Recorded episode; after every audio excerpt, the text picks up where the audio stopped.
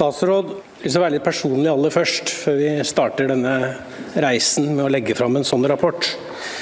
Eh, det eh, kommisjonsarbeidet som vi legger fram, er som du sier eh, på mange måter historisk. Det er den fjerde forsvarskommisjonen siden andre verdenskrig. Og vi gjør det jo for de som er unge i dag. Det er deres trygghet og det er deres sikkerhet. Derfor hviler det et stort ansvar på en slik kommisjon. Men det hviler også et stort politisk ansvar på deg som statsråd. Og noen ganger, også en privat refleksjon, så kan jeg også si at det er lettere å sitte i kommisjon enn å sitte i regjering. Men kjære statsråd, og også dere unge femte- til sjuendeklassinger på Grefsen skole som er her i dag. Det er fint å se dere. Takk for sist presse og andre ikke minst svært gode kommisjonsmedlemmer. Det er krig i Europa. Og det er bekymring, nød og fortvilelse. Tvil og frustrasjon. Krig er forakt for liv. Og det er urolige tider, og flere kriser rammer oss her hjemme. Både samtidig, og de legger seg oppå hverandre. Og våre sikkerhetspolitiske omgivelser det er prega av hurtige endringer, men også veldig langsom utvikling. Norsk sikkerhetspolitikk og norske interesser står etter kommisjonens mening overfor formidable utfordringer. Men også muligheter. Jeg understreker, statsråd, Norge har enestående muligheter. Økonomisk, menneskelig, kapasitetsmessig, til å gjøre verden så trygg som den kan være. Og mine kommisjonskollegaer, som jeg ikke kan få takka nok, og jeg fikk oppdraget med å vurdere de sikkerhetspolitiske og forsvarspolitiske veivalg og prioriteringer i desember 2021.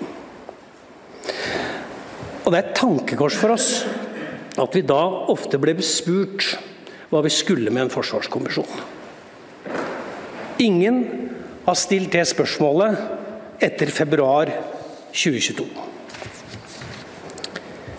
Kommisjonen, med representanter fra alle politiske partier på Stortinget, dog over spørregrensa, gode representanter fra akademia med bred og grundig erfaring, Folk fra næringslivet, fagbevegelse og fra Forsvaret, selvfølgelig, politi og forvaltning, har samla seg om veldig viktige veivalg og beskrivelse av situasjonen. Det har vært maktpåliggende statsråd, for oss å prøve å jobbe oss sammen. Hvis kommisjonen klarer å jobbe seg sammen, så kan man kanskje også i politikken klare å jobbe seg sammen. For det er nødvendig. Vi har jobba godt sammen. Vi er enige om det aller meste. Ikke alt, men vår samstemmighet gir håpefullt grunnlag for at våre anbefalinger, helt eller delvis, blir fulgt opp av politiske tiltak. Og Vi har forsøkt den krevende øvelsen der å tenke 10-20 år fram i tid. I en tid hvor vi knapt nok vet hva som skjer i neste uke. Og som regjeringen har bedt oss om, det handler om vår og våre barns sikkerhet, deres demokrati, deres frihet og deres velstand om 10-20 år. Og da er det litt sånn, da. Hva slags verden møter dere, 5., 6., 7. klassinger fra Grefsen skole, i 2043? Da er noen av dere 32 år. På tross av en alvorlig forverring av sikkerhetssituasjonen de senere år, så har norsk offentlighet i begrensa grad tatt inn over seg behovet for et sterkt og framtidsretta forsvar. Krigen i Ukraina har i så måte vært en vekker. Til tross for at vi har sett utslag av den samme type aggresjon i Georgia i 2008 og på Krim i 2014. Statsråd, det er kostbart og risikofylt å først forberede seg på en sikkerhetspolitisk krise eller krig når krisen eller krigen er her. Tiden for omfattende handling, det er nå. Og det haster. Det viktigste veivalget norske myndigheter står overfor, er vilje til å prioritere sikkerhet og forsvar og beredskap de neste 10-20 årene. Forsvarskommisjonen tar til orde for et bredt politisk forlik for å sikre legitimitet for å gjøre en sånn satsing, for å sikre folkelig forankring, men ikke minst langsiktighet og forutsigbarhet for å styrke forsvaret av Norge. Og Kommisjonens vurdering er at vår forsvarsevne ikke svarer til den sikkerhetssituasjonen vi befinner oss i i dag. Og langt mindre til det utfordringsbildet som vi ser er under utvikling. Det er tydelig talestatsråd i denne rapporten. Vi håper likevel at det er et hjelpemiddel i det politiske arbeidet du og framtidige regjeringer står overfor. Forsvaret vårt er lite og sårbart. Egenevnen er for svak, og utholdenheten for lav.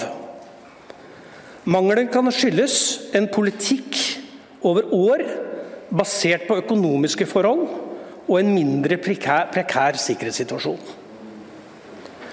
Kommisjonen skriver at i dagens situasjon så framstår en slik politikk direkte uansvarlig. Forsvarssektoren er også fragmentert. Totalforsvaret moderniseres for sakte. Nasjonal styrking og styring og ledelse mangler kraft og langsiktighet. Norge sliter med å oppfylle Natos målsettinger og forventninger fra våre allierte. Forsvarsevnen må styrkes. Nå og kraftig. Det er det denne rapporten handler om. Statsråd, generasjonene før oss lovte at det verst tenkelige aldri skulle skje igjen. De klarte langt på vei å forsvare freden i vår del av verden i mange tiår. Det akutte utfordringsbildet med krig i Europa har preget selvfølgelig kommisjonen gjennom det siste året. Ringvirkningene vil være med oss i mange år framover. Men utfordringsbildet for norsk sikkerhet og norske interesser favner bredere, og det går dypere. Internasjonalt samarbeid og global stabilitet er hardt pressa. Autoritære krefter for alenegang Ufrihet og undertrykkelse er i framgang. Kommisjonen ser at grunnlaget og på mange måter førstelinjen for norsk sikkerhet kan forvitre. En FN-ledet internasjonal rettsorden er truet og under press. Internasjonale institusjoner og normer svekkes, og stabiliserende avtaler sies opp. Det internasjonale systemet preges av konkurranse og rivalisering mellom supermaktene USA og Kina, og oppmerksomhet og ressurser rettes mot Asia. Dette får betydning for oss. Slik blir også sikkerhetsutfordringene for Norge enda tydeligere. Krig, nød og trussel og, bruk, og trussel om bruk av kjernevåpen er tilbake i Europa. Det var jo nettopp vår ungdomstidsstatsråd som var preget av det motsatte. Russland er den akutte, nære og konkrete utfordringen som direkte påvirker norsk sikkerhet. Russisk militærmakt går på store tap i Ukraina, men kan gjenoppbygges raskere enn vi liker å tenke på.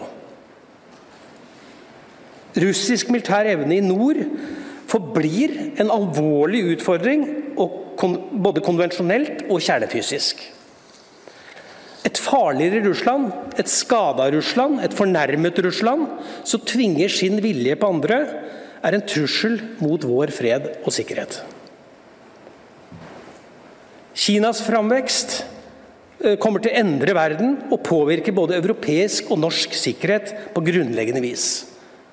Kommisjonen har dvelet mye ved dette, og vi ser det i et 10-20-årsperspektiv aktualiserer større innsats her hjemme. Og risiko for at en av våre nærmeste allierte, USA, eh, får oppmerksomhet i en annen retning.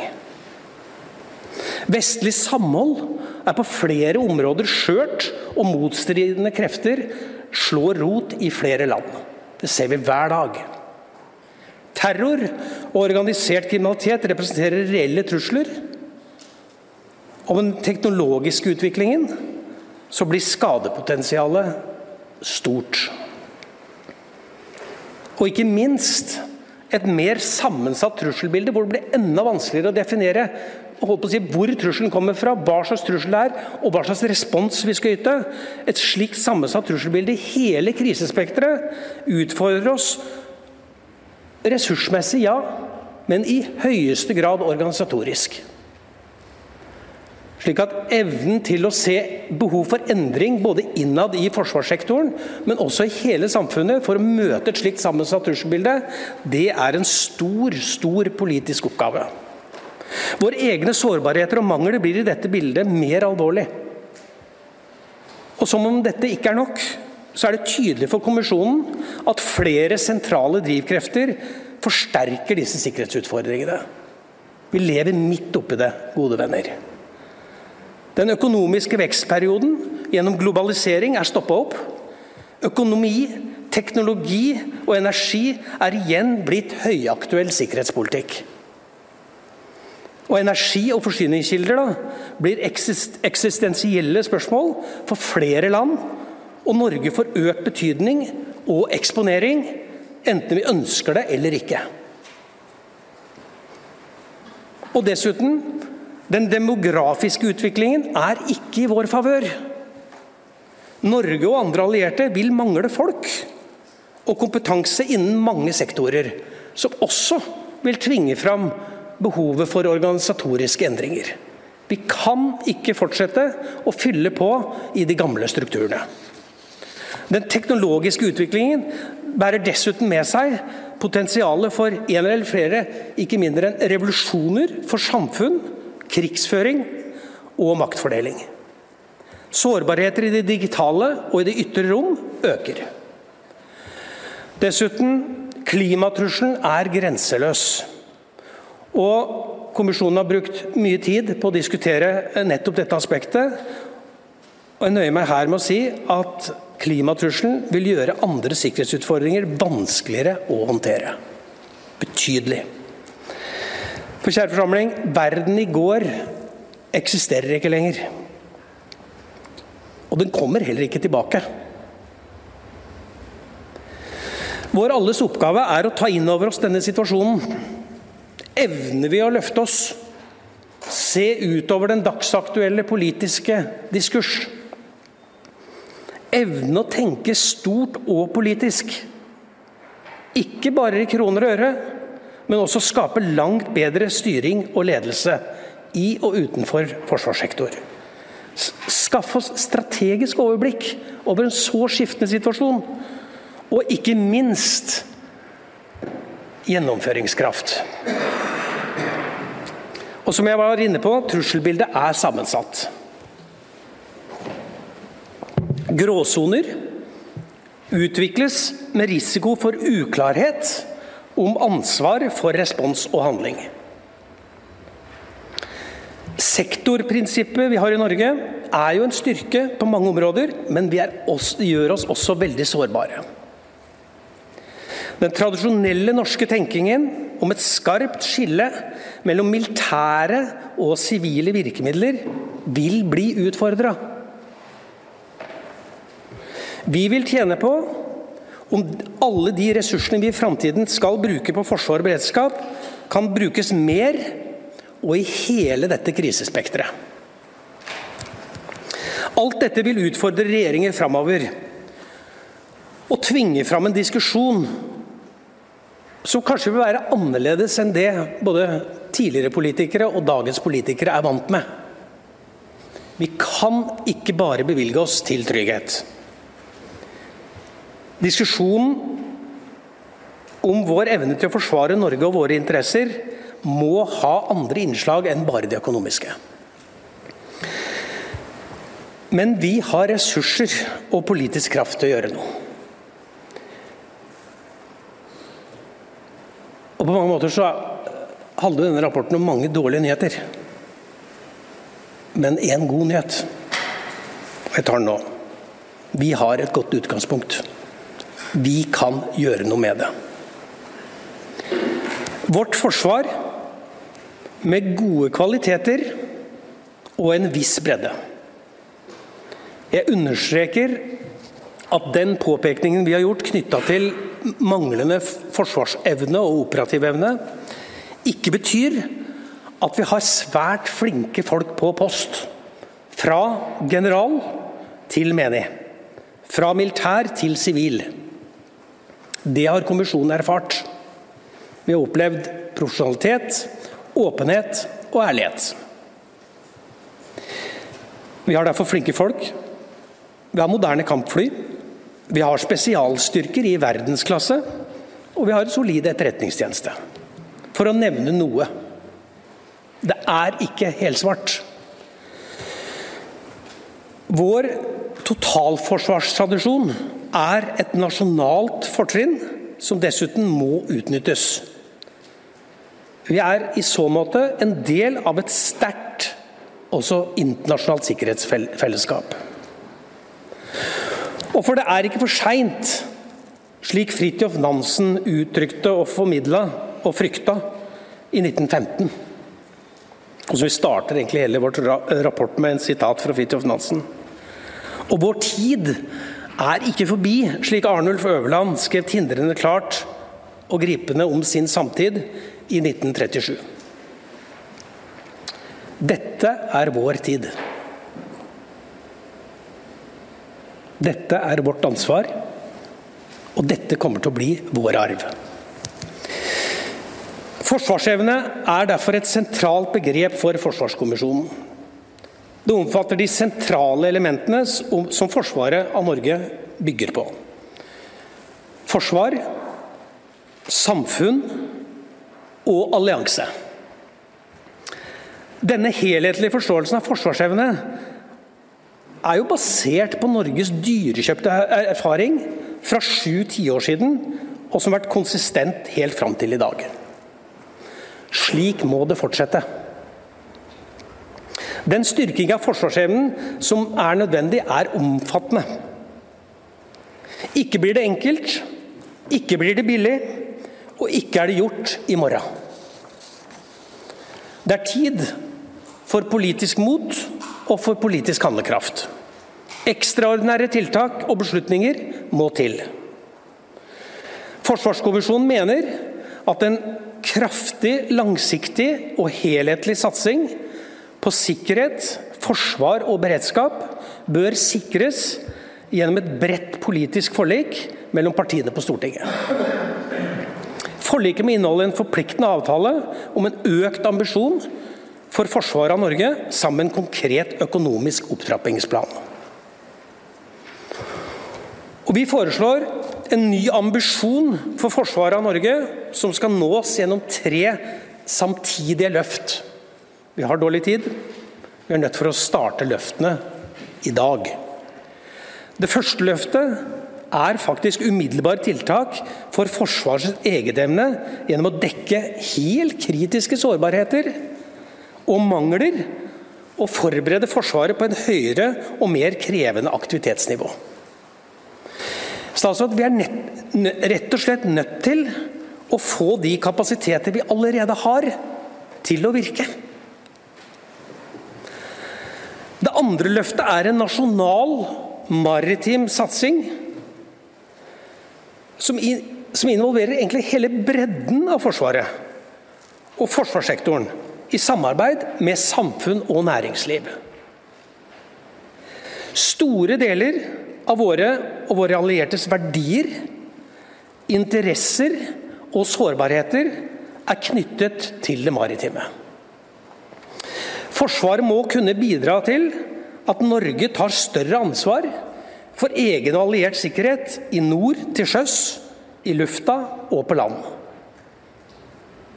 Det tredje løftet er en helhetlig styrking av forsvarsevnen ved å utvikle et gjennomgående større forsvar med større dybde, med tettere kobling til det øvrige totalforsvaret, med sterk offentlig og privat involvering og med flere felles løsninger i en nordisk og alliert ramme. I rapporten framgår en rekke konkrete anbefalinger og utviklingsmuligheter. Muligheter. Blant disse er behovet for en snarlig og fram, framsynt beslutning om ny overflatestruktur, fartøyer til sjøs, som vi i Innlandet forstår at det er. En omfattende satsing på luftvern med beskyttelse av ikke bare Forsvaret, men helt sentrale befolkningssentra og infrastruktur, og en sterkere landmakt i hele landet. Våre forpliktelser i alliert samarbeid, og særlig knytta til Nato, eh, gjør det svært relevant. Og Dette løftet for forsvarsevnen det vil koste, og det haster. Kommisjonen har vært opptatt av å vurdere behovet og regne på hva det koster. Vi har hatt mange gode medhjelpere som har gitt oss god hjelp. Og det har vært ganske avansert beregning knytta til hva dette løftet vil koste. Og vi redegjør i rapporten for denne kostnadsberegningen. Vi har på mange måter tatt et motsatt utgangspunkt og spurt oss hva slags sikkerhetspolitiske utfordringer er det vi ser? Hva slags forsvarsevne er det vi trenger, og hva koster det? Andre kan jo ta utgangspunkt i prosentsatser av BNP. Vi registrerer at behovet er stort, og de tall som kommer fram, eh, viser at dette vil kreve mye av oss alle. For å finansiere disse løftene så må for det første forsvarsbudsjettet hurtigst mulig heves permanent med 30 milliarder kroner over gjeldende budsjettbane. Og For det andre så foreslår kommisjonen, og det er også bakgrunnen for den politiske mekanismen som ligger i et politisk forlik, så foreslår vi at det settes av ekstrabevilgninger til sikkerhet, forsvar og beredskap gjennom avsetninger i en tiårsperiode på 40 milliarder kroner per år. Og for det tredje så må det tilføyes mer driftsmidler på sikt gjennom ytterligere heving av budsjettet med 10 milliarder kroner når perioden med ekstrabevilgninger er over. Nettopp for å unngå en av de store ubalansene som det norske forsvaret har vært i, at man ikke har nivellert opp investeringer og drift. Et slikt politisk forlik forutsetter jo en mer samlende og langsiktig og helhetlig tilnærming til forsvaret av Norge enn det vi har sett på lang tid. Men Norge kan ikke forsvares alene eller bare med militære virkemidler. Sivilt-militært samarbeid og totalforsvaret må styrkes. Det militære er helt avhengig av det sivile og næringsliv, både i fredstid, men ikke minst i krigstid. Moderniseringen og revitaliseringen av totalforsvaret går i riktig vei, men det går for sakte. Næringsliv, industri, frivilligheten må tydeligere anerkjennes og integreres som en del av totalforsvaret. Informasjon om trusselbildet, forsvarsvilje og forsvarsevne må få fornya oppmerksomhet og prioritet. Flere unge må inn i førstegangstjeneste, og en bredere del av ungdomskullene må få kjennskap til sikkerhet og forsvar og beredskap i og utenfor skolen. Forsvarets avhengighet av det sivile samfunn er økende, og Forsvarets bidrag til samfunnssikkerheten vil øke når en nødvendig satsing på forsvar begynner å få effekt. Slik kan vi dra nytte av ressursene i hele krisespekteret. Det forutsetter jo felles planforutsetninger for både sivil og militær beredskap. Det må utvikles. Håndtering av nye og sammensatte trusler må bedres. Kampen om folk og kompetanse vil tilspisse seg, også for forsvarssektoren. Vi må derfor bli flinkere til å prøve mer fleksible og framsynte ordninger. Det er gode muligheter for karriere, karrieresamarbeid og kompetansedeling mellom forsvar, forvaltning, industri og næringsliv. For når alt kommer til alt, statsråd, satsing på sivilt og militært personell er en forutsetning for styrka forsvarsevne. Vi er helt avhengig av det. Norge er avhengig av alliert og internasjonalt samarbeid mer enn noen gang. Forsvarskommisjonen tar til orde for en garderingsstrategi. Ja, vi garderer oss for å best sikre norske interesser i en omskiftelig tid. Norge må slik sikkerhetssituasjonen utvikler seg, aktivt bidra til at Natos videre utvikling og relevans eh, favner våre sikkerhetsbehov.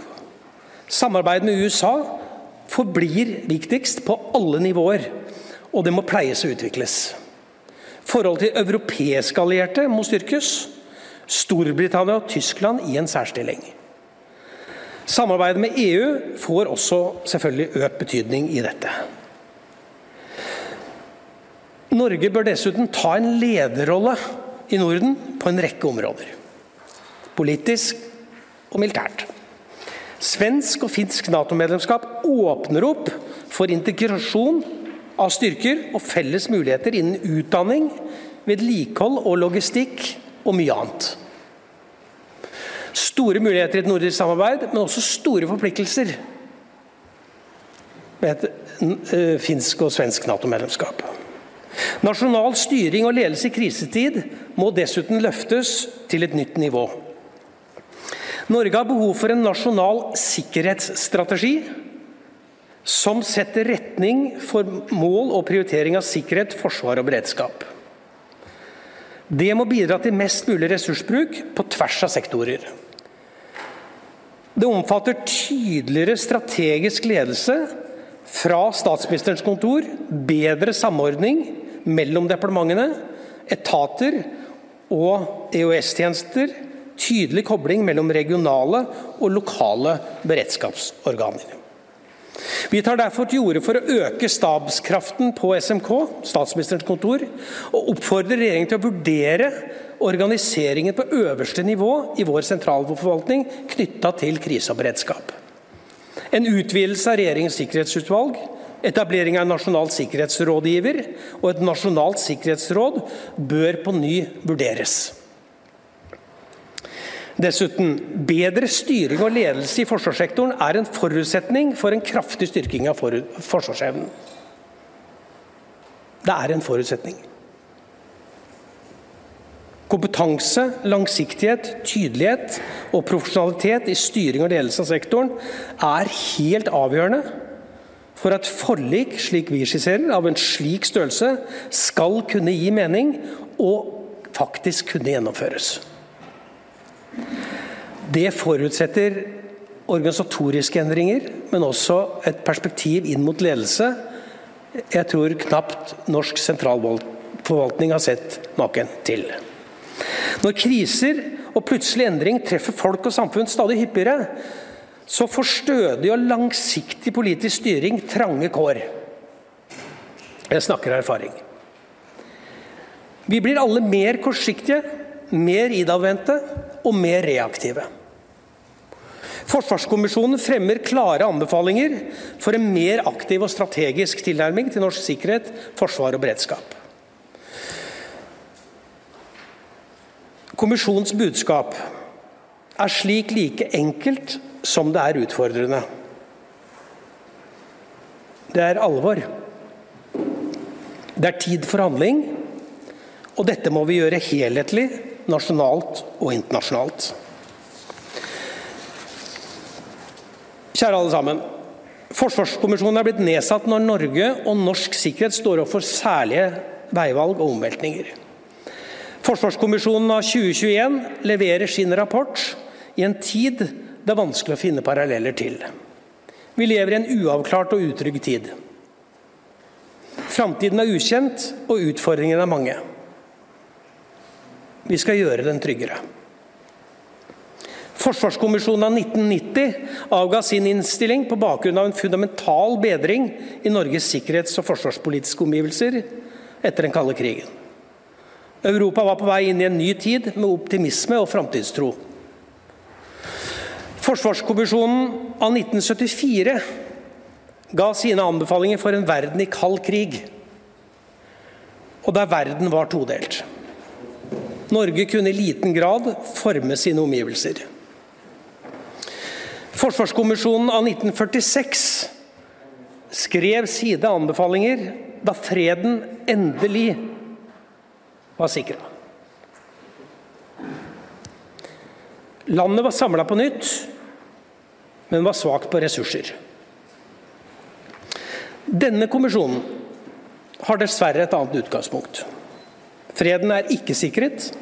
Optimismen og framtidstroen svinner hos mange av de yngre, og verden er faretruende raskt på vei inn i en ny todeling. Vår analyse er dyster. Vår anbefaling er kostbar og krevende. Men vårt budskap er at det er ikke for seint. Norge har det som skal til. Vi ser at våre forslag stiller norsk politikk overfor grunnleggende spørsmål om nasjonale prioriteringer. En omfattende styrking av forsvarsevnen krever besluttsomhet og gjennomføringsevne langt utover det vanlige norske fra norske myndigheter og fra forsvarssektoren. Til slutt, forsvarsminister. Som kommisjonsleder så har jeg, tror jeg, og jeg tror jeg har resten av kommisjonen med meg, kjent på alvoret. Vi har utfordret og blitt utfordra. Vi har belyst, og vi har blitt opplyst. Jeg har lyst til å takke regjeringen for å ha fått oppdraget. For at dere har stilt ressurser til rådighet. For å ha gitt oss gode arbeidsforhold. Ta med til departementet ditt, statsråd, at eh, vi har blitt møtt med åpenhet og ærlighet. Takk til alle ellers som vi har møtt, og som har gitt oss innsikt og kunnskap. Mange av innspillene kan leses på våre nettsider. Takk til alle som har sendt oss innspill og gitt oss helt nye perspektiver. Og takk til alle som har vist interesse for arbeidet, og som møtte opp på våre åpne arrangementer og, vist sitt engasjement. Vi har følt litt på at vi er helt avhengig av en folkelig forankring og en folkelig debatt av så viktige, store spørsmål hvis vi i hele tatt skal klare å løfte politisk. Og viktigst av alt, takk til alle som, som hver dag gjør en tjeneste for landet. Med og uten uniform. På alle nivåer. Mange av disse har en krevende hverdag tatt imot oss med prisverdig raushet, åpenhet og ærlighet. Offentlig debatt og åpenhet har stått sentralt i arbeidet vårt. Det står i mandatet også. Kommisjonen ønsker at denne rapporten skal bidra til å informere og inspirere. Jeg har også lyst til å takke sekretariatet vårt og kommisjonsmedlemmene for fantastisk jobbing. Du må ta godt vare på de folka når de kommer tilbake, statsråd. Det er lønnsopprykk og øh, det ene og det andre.